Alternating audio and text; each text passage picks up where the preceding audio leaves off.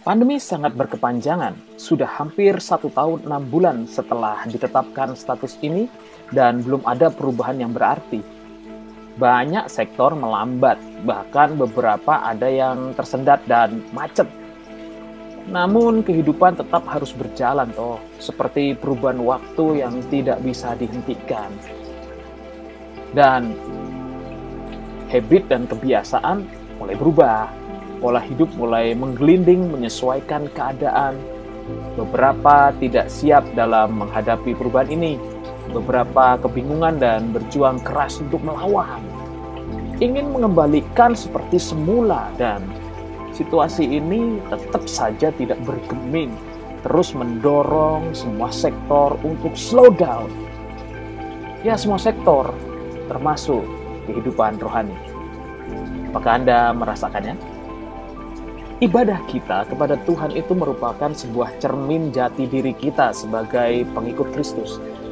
Keberadaan kita di lingkungan kita akan menyatakan siapa diri kita sebenarnya. Anak Tuhankah atau hanya sebatas seorang bayi? Dan Anda juga pasti tahu guru dan Tuhan kita tidak menghendaki kita hanya sekedar menjadi orang baik, tapi sebagai pengikutnya Beliau ingin kita juga menjadi saksi. Saksi bahwa kita tidak hanya baik, tapi kita pengikut Kristus yang menjunjung tinggi ketetapan-ketetapan Tuhan yang diajarkannya kepada kita. Itulah sebabnya orang menyebut kita orang Kristen. Dan apakah keadaan saat ini membuat kehidupan rohani Anda kendor?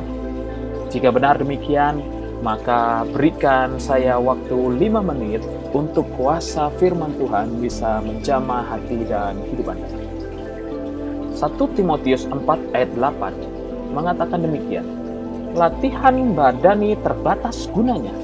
Latihan badani terbatas gunanya. Tetapi ibadah itu berguna dalam segala hal. Tetapi ibadah itu berguna dalam segala hal karena mengandung janji baik untuk hidup ini maupun untuk hidup yang akan datang, baik untuk hidup ini maupun untuk hidup yang akan datang. Beberapa kerabat saya mengatakan tidak perlu ke gereja karena masa pandemi. Ya, betul juga sih, tapi bolehkah saya bertanya, apakah gereja Anda mendapatkan lisensi atau izin dari gugus tugas dan memenuhi protokol kesehatan? Jika iya, mengapa Anda harus khawatir? Oke deh, saya paham pendapat Anda. Kalau sekarang kan sudah tutup sementara. Namun sebelumnya, apakah Anda bergabung dalam ibadah berjemaat? Oke, oke, oke. Saya nggak ingin push Anda dengan pertanyaan yang itu. Tapi saya mau memastikan toh saya tidak mendengar Anda dari sini, namun Anda bisa mendengar kata hati nurani Anda. Jika Anda memang tidak beribadah, berjemaat, apakah Anda mengerjakan ibadah Anda di rumah? Bagus jika iya. Namun, jika jawabannya tidak, apa yang menjadi alasan Anda? Terus Anda bertanya, ibadah itu kan tidak perlu orang lain tahu, Kak masuk ke kamar, tutup pintu. Itu kalau doa pribadi. Hanya Anda dan Tuhan saja yang tahu. Namun beda cerita jika Anda melakukan ibadah. Tapi kak, ibadah yang sejati bukankah itu adalah hidup kita? Nggak perlu ada tata cara, aturan, atau liturgi. Yang penting hidup kita toh. Kalau memang harus begitu, buat apa ada aturan? Aturan itu dibuat agar kita tertib dan mengajar kita untuk taat, memberikan rasa hormat dan penyanjungan kita kepada Tuhan yang kita sembah. Ah, yang penting kan hidup kita, Kak. Ribet amat. Terus bagaimana Anda bisa jadi saksi? Anda tidak mentaati ketetapan. Jangan marah, saudaraku. Saya hanya alat dan saya harus terus mengatakannya karena itu tugas saya.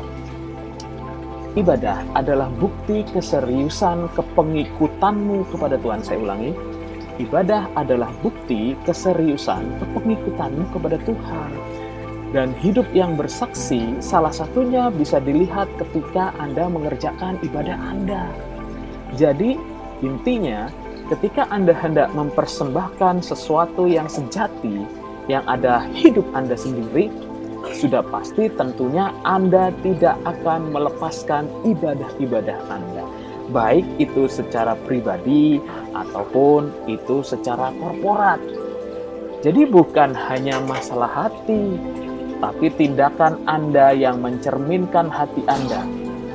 Apakah Anda sungguh mengasihi Tuhan atau sebaliknya? Ingat, ibadah itu berguna dalam segala hal karena mengandung janji.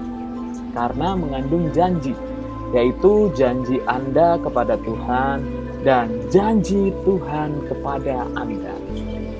Baik itu untuk hidup yang sekarang ini maupun untuk hidup yang akan datang santai saudaraku tetap berkepala dingin dan semoga kuasa firman Tuhan memberi cahaya dalam hati dan hidup Anda.